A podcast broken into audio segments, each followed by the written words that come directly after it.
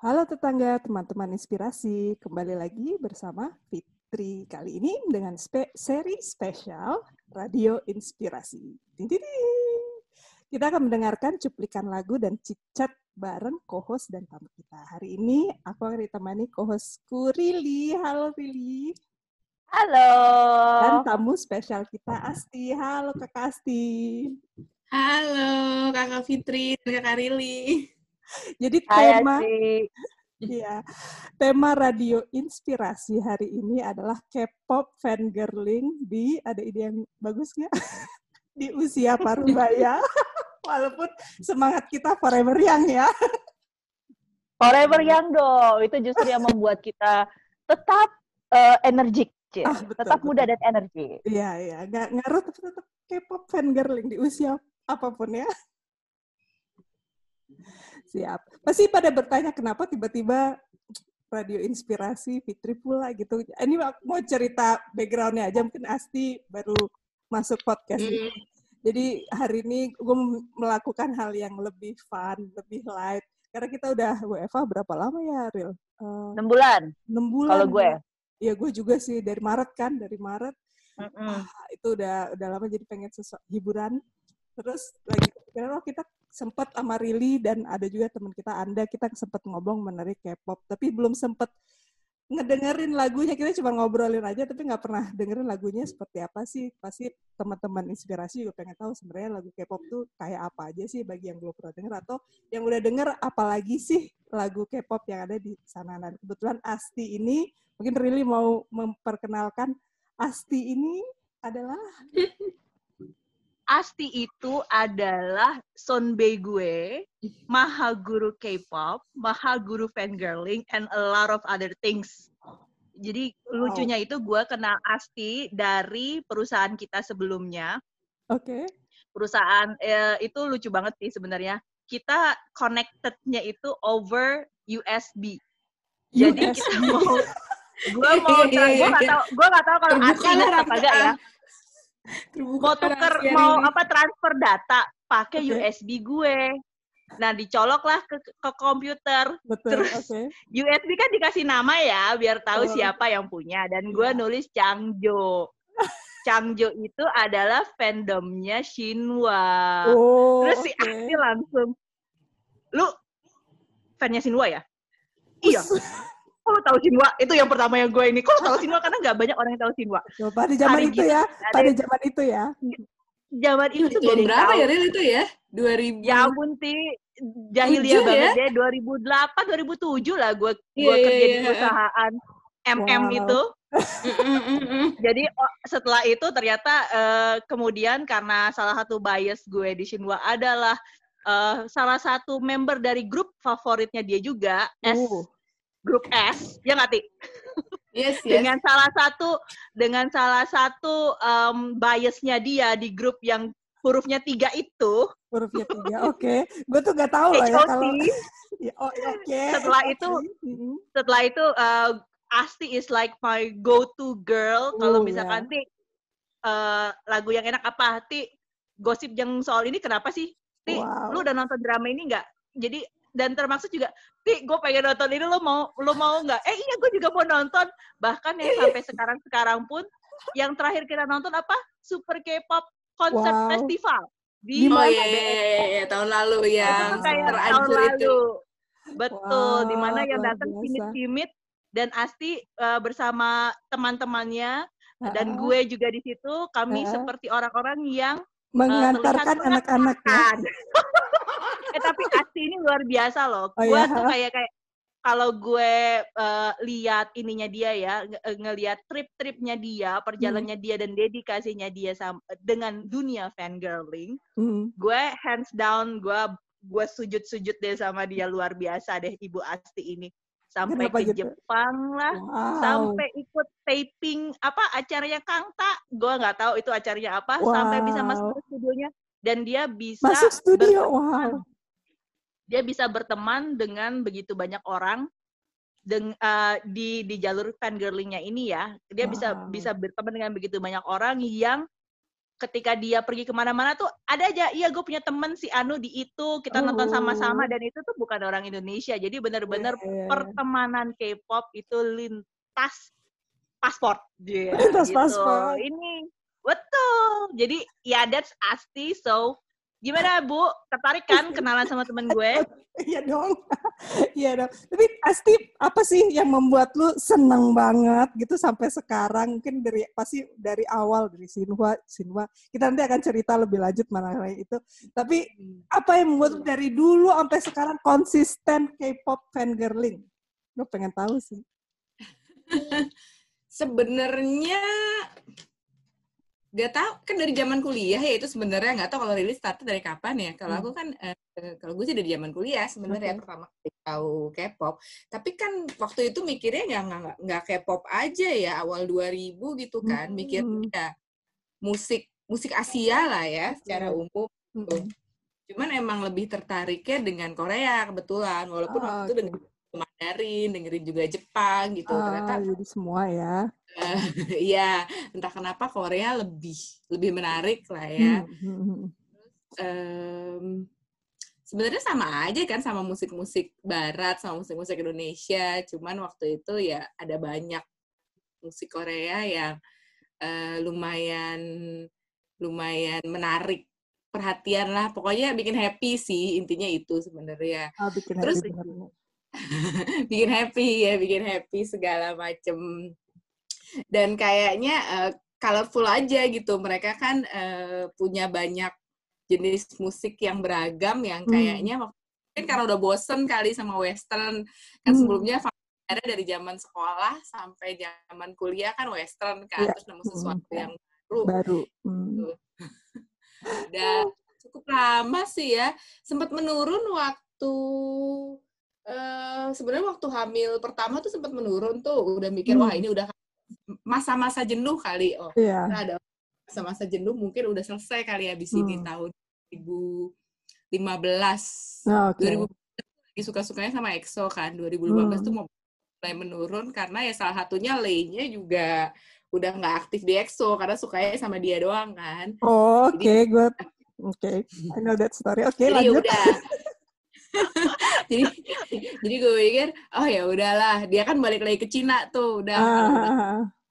Biasanya nggak terlalu ngikutin ah, jadi iya, iya, iya. ada yang terlalu excite me more lah hmm. tahun 2015 tuh uh, apa ngikutin tapi ya cuman gitu-gitu aja jadi mikir ah udahlah uh, selesai kali ini periode hmm. hmm. girlingnya atau apa hmm. tapi terus 2016 kita nonton hmm. Sonya Real ya Yoi. Oh, pas lagi ke sini ya? itu kayak, hmm. apa namanya, uh, kita beruntung banget ya nonton itu terakhir ya, Ti ya?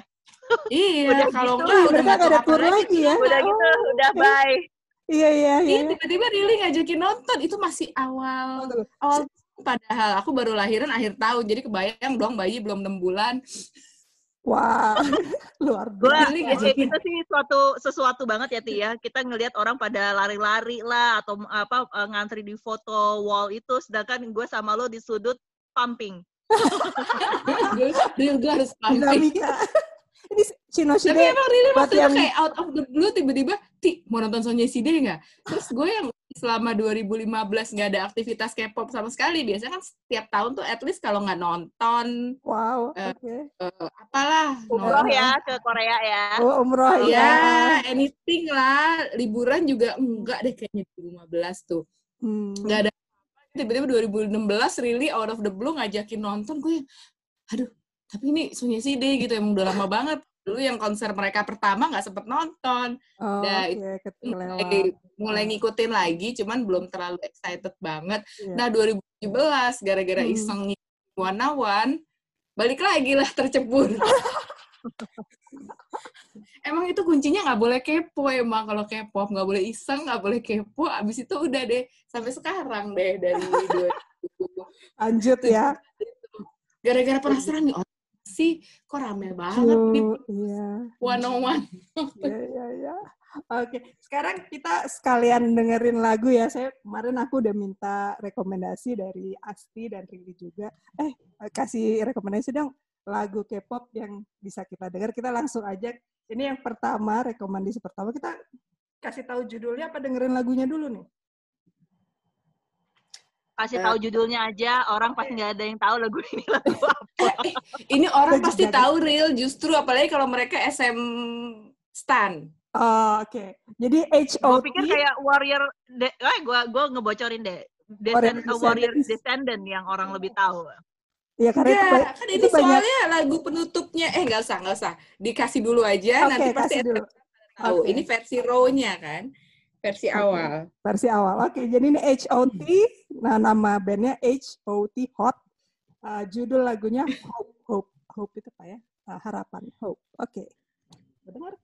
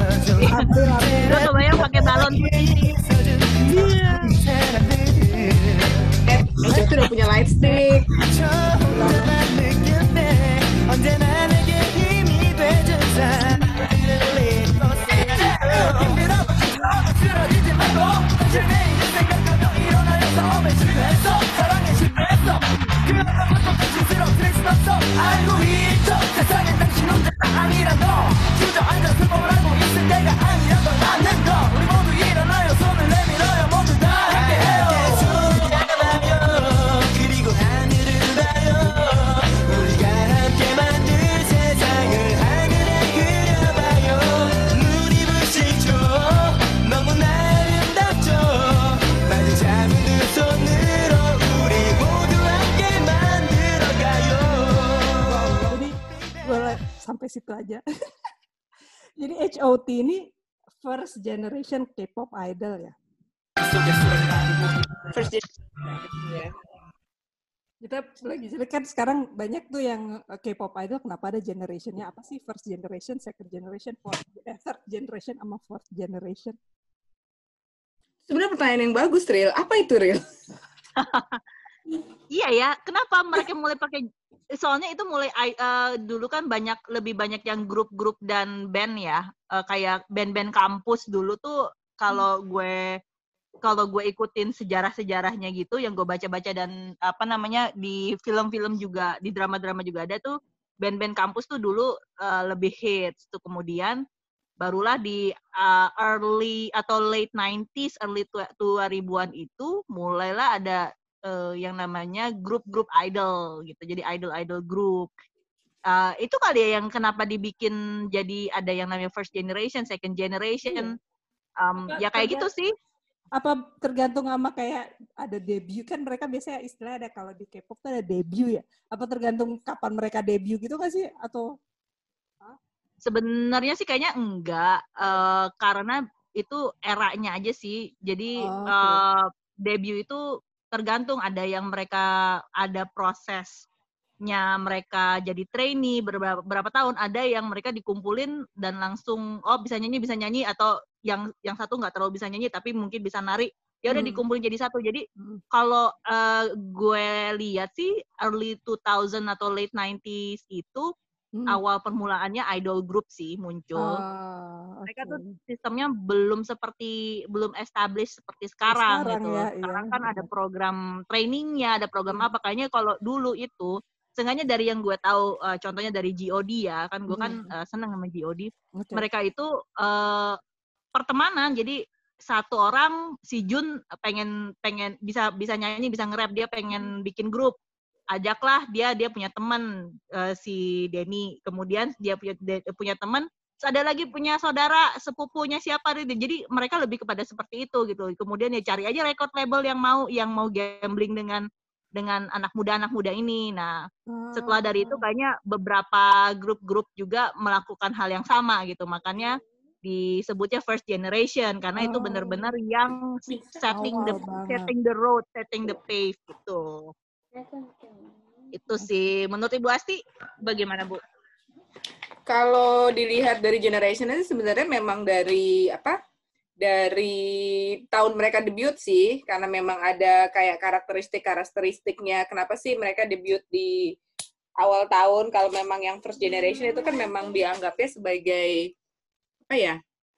Pioneer lah ya, karena kan mereka pakai sistem trainee yang dibilang oh ini idol loh, idol group seperti itu. Jadi memang masih dari tahun-tahun debut terus kayak ada ciri khas-ciri khas dari setiap generasi itu sih sebenarnya. Jadi kayak oh. uh, first generation tuh kayak gimana sih modelnya, second hmm. generation hmm. tuh kayak gimana, hmm. third generation tuh kayak gimana. Ada ciri khas-ciri khas yang yang apa ya, walaupun mereka semua beda gitu, punya hmm. masing-masing uh, keunikan masing-masing, tapi secara satu grup tuh mereka punya ciri khas tertentu. Gitu, satu generasi gitu misalnya ya? Satu generasi hmm. ya. Terus ada yang kan um, kayak sekarang generasi keempat mungkin modelnya mereka udah fokus ke global gitu. Jadi hmm. udah nggak cuma di Korea doang. Mereka hmm. mainnya negara-negara lain, udah mencoba menembus uh, panggung musik dunia. Rata-rata hmm. juga familiar dengan apa bahasa Inggris kan hmm, karena mereka yeah. mereka punya banyak international fans hmm. itu yang mereka misalnya dengan dulu yang first generation yang first hmm. generation itu fokusnya hanya di Korea, Korea. sebenarnya hmm. walaupun habis itu beberapa dari mereka cukup familiar di Cina kan hmm. second generation fokus mereka masuk ke uh, beberapa negara besar sama hmm. ke Asia biasanya masuk. Nah, kemudian di generation tuh Asia udah mereka kuasai. Sekarang hmm. kayak fourth generation tuh mereka udah lebih ke global. Jadi ada ciri khas-ciri khas setiap contoh, generasi sih. Contoh ya. idol di generasinya kan contoh aja kayak first generation kita bilang HOT itu first generation gitu. Kalau second ya, generation ya, uh, HOT kan first generations ya. Mereka uh, bareng sama apa ya uh, banyak lah Setskis tadi Jody juga ya terus kalau Sinhua ya juga ya Sinhua ya Sinhua tuh dia tuh agak tengah-tengah sih ya oh, ada yang iya? dibilang okay. satu setengah ada yang dibilang satu setengah ada yang dibilang dua setengah oh, okay. antara first ke second tapi oh. bisa juga di satu sih terus hmm. kalau uh, girl groupnya ya banyak ada hmm. SES tim KL kan oh, nah, ya. tuh yang mulai masuk ke merambah keluar dari Korea nggak hmm. nggak full Asia hmm. tapi kayak masuk Asia Tenggara mulai masuk ke Jepang mulai hmm. menguasai Cina juga kita kan mulai terkenalnya mulai tahunya kan di second generations dengan hmm. adanya seniors Wonder Girls, Big Bang itu kan semua second generation tuh. Generation, oh, iya. Oke. Okay. Oh, itu second Dan itu mereka kalau di di Indonesia tuh kayaknya baru mulai anget-angetnya di 2012 yeah. 2013 ya. Iya, yeah, uh, di generasi kedua K-pop ini. Karena memang mereka kayaknya targetnya tuh waktu itu sebenarnya keluar dari Korea tapi kayak belum full Asia lah. Nah, hmm. baru third generations tuh memang mereka udah menguasai Asia, istilahnya Hallyu tuh udah menggenggam iya. Asia lah ya. Iya. Ini EXO, Twice gitu, ah, gitu itu ya. ini Blackpink, termasuk BTS kan. Hmm. Baru yang sekarang nih, yang baru-baru nih, for, ya. eh, tapi yang baru-baru luar biasa. Mean, aku baru update dua bulan ini aja, gila ya idol group sekarang, cang, maksudnya canggih-canggih gitu. Maksudnya dari sisi kalau zaman dulu jelas siapa yang nyanyi, siapa yang nge-rap, siapa yang bagus ngedance. Kalau sekarang it's like blurred line, udah semuanya harus bisa tiga-tiganya gitu. Iya. Yeah. Mm -mm, karena persaingan makin ketat kan, mau nggak iya, mau mereka. Gila. Kalau kalau like yang generasi sekarang, most of the groups kayak gitu gitu. Uh. Yep. Kalau generasi yang sekarang kayaknya lebih banyak uh, fokusnya munculnya dari uh, ini ya competition ya, kayak oh, Island lah, terus kemudian apa? Ya, salah satu ya. One one, hal-hal hmm. seperti itu. Jadi fourth generation tuh lebih munculnya dari uh, competition competition. Ya dibikin dibikin hmm. survival. That's why mereka gitu ya. multi talenta kan, karena kan kudu bisa semua macam gitu kalau perlu untuk jadi kalau dulu kan mungkin nggak semuanya menguasai banyak kemampuan. Sekarang mau nggak mau. Iya. Oke, lanjut kita dengerin next song next song. ini lagunya Yuna. Hi, Yuna. Bubble Papua ini beken banget nih zaman pada zamannya. Oke. Kita dengar. Nah, ini lagu mood booster aku sekali.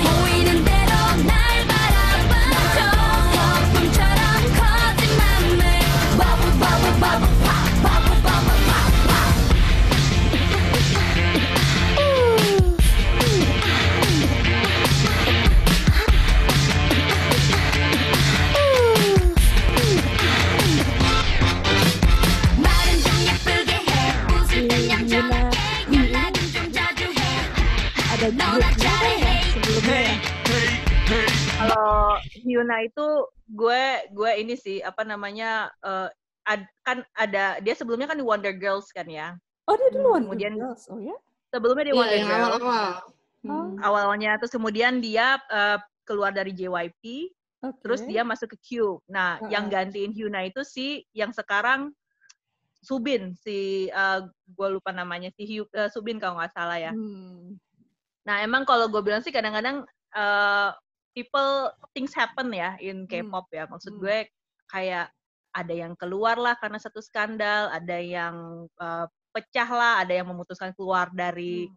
manajemen lah, kemudian solo karir atau pindah grup atau dia pindah jalur sama sekali dan it it doesn't necessarily always be a bad thing gitu. Contohnya hmm. aja si kakak Hyuna ini, yeah. dia ternyata lebih shining setelah hmm. dia meninggalkan Wonder Girls dan dia uh, mas, uh, apa masuk ke cube dan masuk ke four minute. Dan sekarang hmm. kan juga dia meskipun end up dengan cube-nya kurang baik ya, sekarang dia kan juga solo karir dan solo karirnya juga bagus banget. Kalau menurut gue dia uh, whatever she does itu itu strike gold kalau menurut aku sih. Jadi hmm. kadang-kadang hmm. orang suka mikir, aduh kenapa dia keluar segala macam segala macam, tapi hmm. sometimes it's good for them gitu kayak kayak gitu sih kalau menurut gue. Jadi perpisahan tidak selalu buruk kalau di iya, K-pop iya, kalau menurut aku sih. Betul, betul.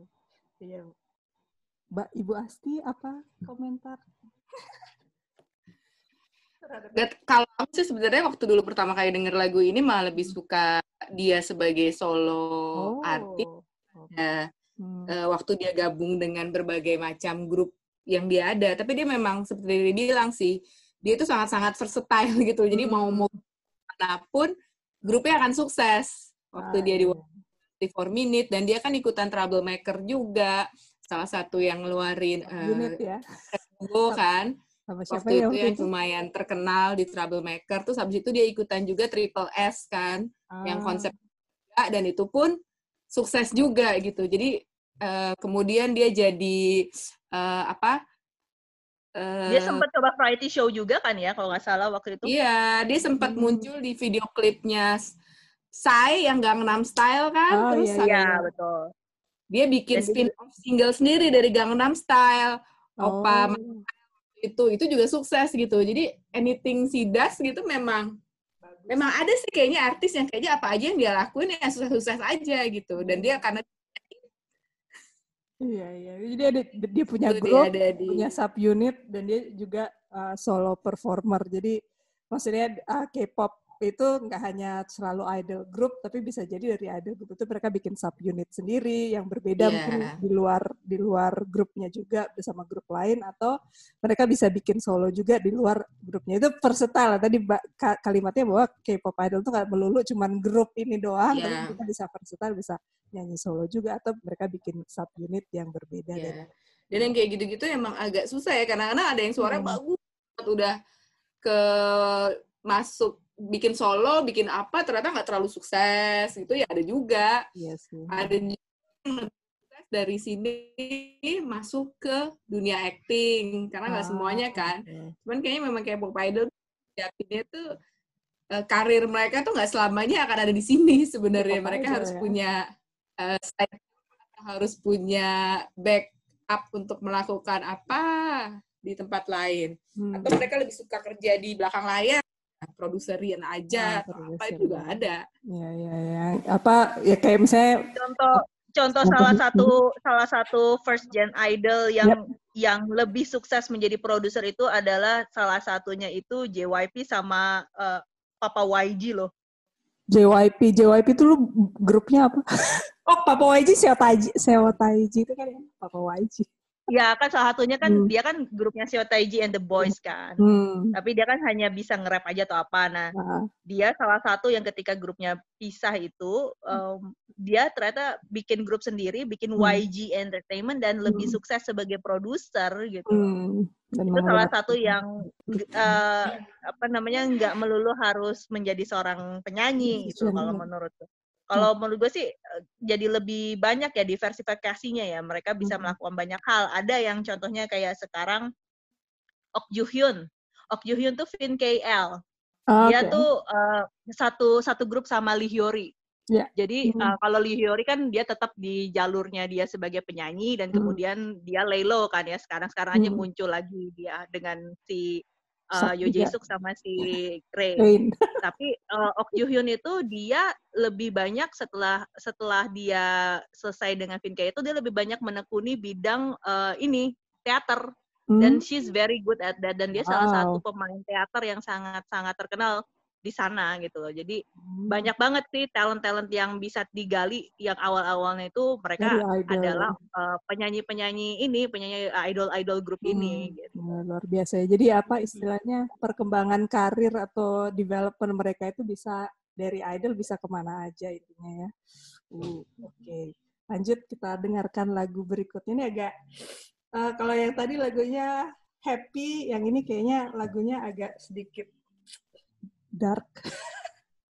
Behind. Oh, there's a dark side, dark side of K-pop. Iya, yeah, yeah, yeah. gimana yeah. mengenai itu pergandalan? Gue selalu itu adalah kalau... ciri khas saya dan Rili juga, jadi kelihatan gitu kan, siapa yang di press mood, siapa yang yang bright mood ya. Iya, jadi tadi bright sekarang Dia kita yang ceria-ceria. Okay. Kalau saya lebih kepada ini, lebih kepada apa prihatin. Jadi yeah, yeah, yeah kayak Jadi kita itu, memang merepresentasikan dua sisi ya, K-pop ya. Betul, betul. Yang Harus ceria dan yang kelam. Dua ya, betul. Dan yang kelam. Bright and the dark and the bright and the dark side. bright and the dark. Iya, aduh, betul. apa namanya? Eh, Asti itu selalu menjadi go to person aku kalau nanya Ti ini kenapa sih kayak contohnya kemarin skandalnya si Jimin lah bukan Jimin BTS ya jangan okay. don't hate me yeah. I have ya. nothing with him I have no problem with him Jimin lah kemudian uh, kami berdua belum sepakat mengenai apa yang terjadi dengan Tiara ya Ti ya. Oh iya iya iya, oh, iya. sampai sekarang. Kami belum sepakat ya apa yang terjadi. Jadi yeah. cerita dong mengenai the dark side of K-pop uh, gitu. Kita dengerin dulu lagunya, habis itu kita bahas. Oh iya. Yeah, nah, yeah, jadi oh, iya. lagunya, biar, biar abis ini moodnya keganti jadi iya, dark. keganti. Uh, benar. Jadi ini lagunya dari Lee Hai, Lee Hai. Jadi ini suaranya bagus sih, gue suka waktu dia keluar di K-pop apa ya, dia ikut K-pop something ya. Lee Hai, lagunya Breathe. Bahasa ini handsome handsome ya I don't know. Breathe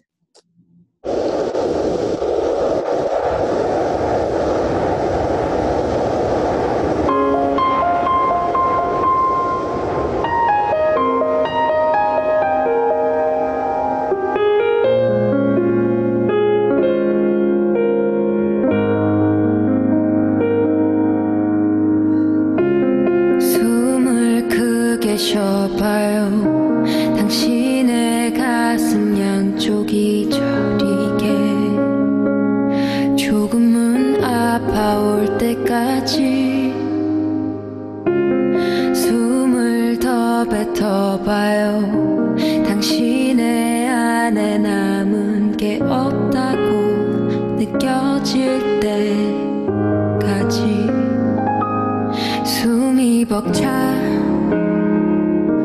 올라도 괜찮아.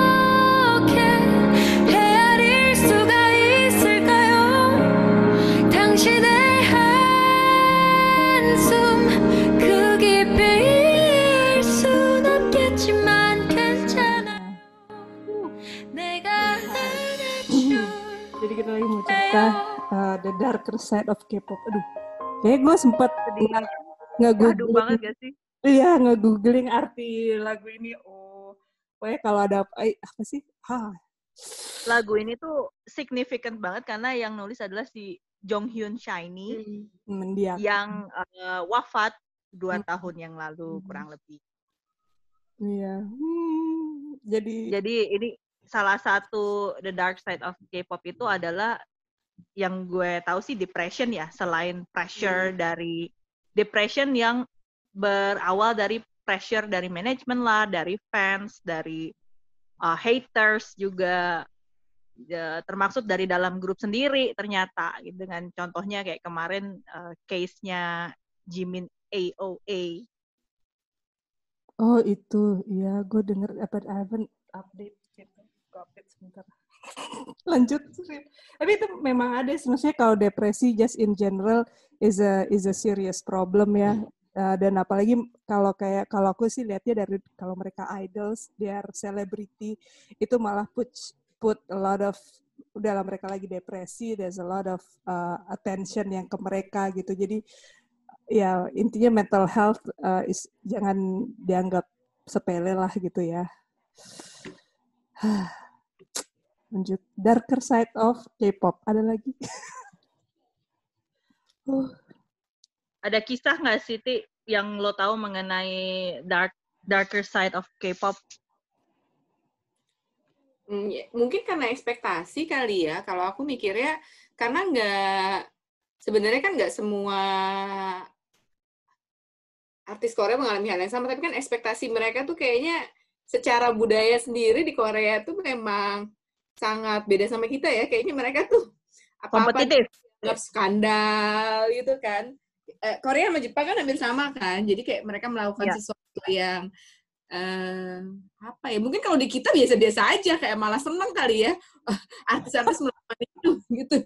Wah, dapat makin viral makin beken kalau di gitu sini. kan iya semakin viral walaupun itu mau aneh kayak gimana kan iya. bagus yep. gitu Setuju sih culture culture membedakan sih kayak kalau di Indonesia yeah. menurutku orang-orang itu memaafkan dia we are more apologetic to mistakes uh, dibanding kalau aku hmm. pikir orang Jepang dan Korea mereka tuh uh, agak sedikit keras dengan mistake gitu aku bukan mereka yeah. maafkan ya dengan dirinya mereka, sendiri uh, uh, dan juga dengan apa ya kesalahan yang bukan mereka yang melakukan gitu betul, loh. Betul, betul. Iya, betul. Bukan ya. mereka yang melakukan, tapi mereka kayak harus bertanggung jawab dengan hal itu. Gitu betul. sih ngaruh ke. Jadi bukan hanya kayak pop juga karena mungkin budayanya mereka memang betul, seperti. Iya. Plus ya ditambah dengan ekspektasi K-pop ini kan, pas mereka dibuat kan, uh, agensi-agensi emang mem memposisikan mereka sebagai uh, ini loh idola gitu, nggak boleh salah, harus sesuai dengan aturan-aturan harus jadi role model kan gitu kan yang namanya hmm. idola jadi itu mereka melenceng sedikit ya udah segala macam kritik apa kalau mereka nggak siap kan idolnya ya jatuh kan Iya, it's, it's uh... apa aja sih biasanya kalau nggak dari ekspektasi, kemudian uh, depression, apa yang leads to depression juga ke apa faktor keluarga juga banyak ya, mm-hmm, uh, the yeah. dark side. Iya. Contoh yang mereka tahu kan yang happy happy ya. Ternyata iya, padahal iya. idol idol Korea ini banyak yang uh, banyak yang datang dari broken home. Hmm. Dari keluarga yang tidak punya apa-apa gitu, benar-benar yeah. benar-benar uh, apa namanya keluarga-keluarga yang miskin sebenarnya beda yeah. sama kita lah ya. Uh, their last shot is to become an idol gitu untuk mengangkat untuk bayarin hutang keluarga kan rata-rata. Wow.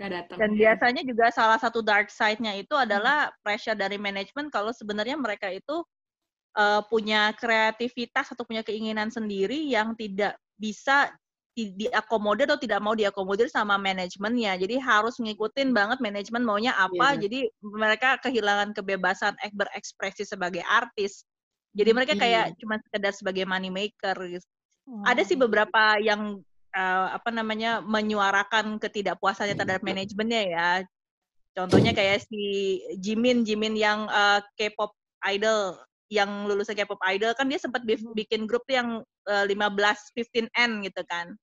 Nah, dia sempat uh, oh, komplain si juga Jamie. gitu, komplain juga yeah. ke si uh, manajemennya dia under JYP waktu itu. Kan dia yeah. uh, kan waktu itu kan si uh, acara kompetisi itu mereka boleh memilih menjadi trainee-nya siapa kan. Yep. Atau hmm. diambil jadi trainee-nya siapa hmm. dan dia sempat menyuarakan kalau uh, dia itu penyanyi, kenapa dia tidak dibiarkan uh, berkreativitas sebagai penyanyi, tapi lebih banyak menjadi host, host yeah. variety show, talk show dan sebagainya. Yeah, itu sih salah satu. Iya, padahal suaranya bagus banget dan uh, menurut aku dia sukses gitu loh. Yeah. Tergantung sih kalau si grup-grup ini meskipun mereka di manage oleh manajemen yang benar gitu ya kayak Akdong musician kan mereka kan di manage sama YG mm-hmm. uh, dibiarkan kreativitasnya tapi mm-hmm. balik lagi uh, manajemen punya agenda mereka tetap harus ngikutin gitu hal-hal mm-hmm. seperti itu kadang-kadang yang membuat uh, aktor-aktor atau idolsnya itu juga uh, depresi akhirnya stres gitu karena tidak bisa berekspresi seperti yang dia mau. Yeah akhirnya juga banyak yang bikin yang keluar dan bikin label sendiri sih yes. uh, kayak mm-hmm. si J Park ya uh, dengan kan J Park uh, karena itu juga karena skandal juga kan dia awalnya kan iya yeah, kebayang ya, sih itu skandal Iya, maksudnya skandal masa lalu masih muda salah komen gitu loh. Iya, tapi tuh memang benar-benar ini aja sih maksudnya. Iya. Karena dia kan bukan orang Korea ya, maksudnya dia kan datangnya dari negara lain. Amerika. Kan datang ke, ke suatu negara yang dia baru belajar semua dan sebagainya wajar kalau iya. dia ingin venting out lah ya istilahnya and then he did vent out tapi mungkin uh, ya ya itulah itu ya, mereka kayak nggak mempertimbangkan nih orang-orang ini masih pada muda-muda loh ya iya makanya gue bilang tadi balik lagi bahwa kalau di Indonesia tuh dari eh, udahlah gitu kan tapi kalau ini di Korea atau di Korea mungkin ah oh, udah bisa ya, ya. kok di sini kayak langsung in, apa uh, amnesia semua. Tetangga, teman-teman inspirasi, kalau mau tahu kelanjutan podcast ini, tunggu ya episode minggu depan. Stay healthy everyone and stay safe. Bye-bye.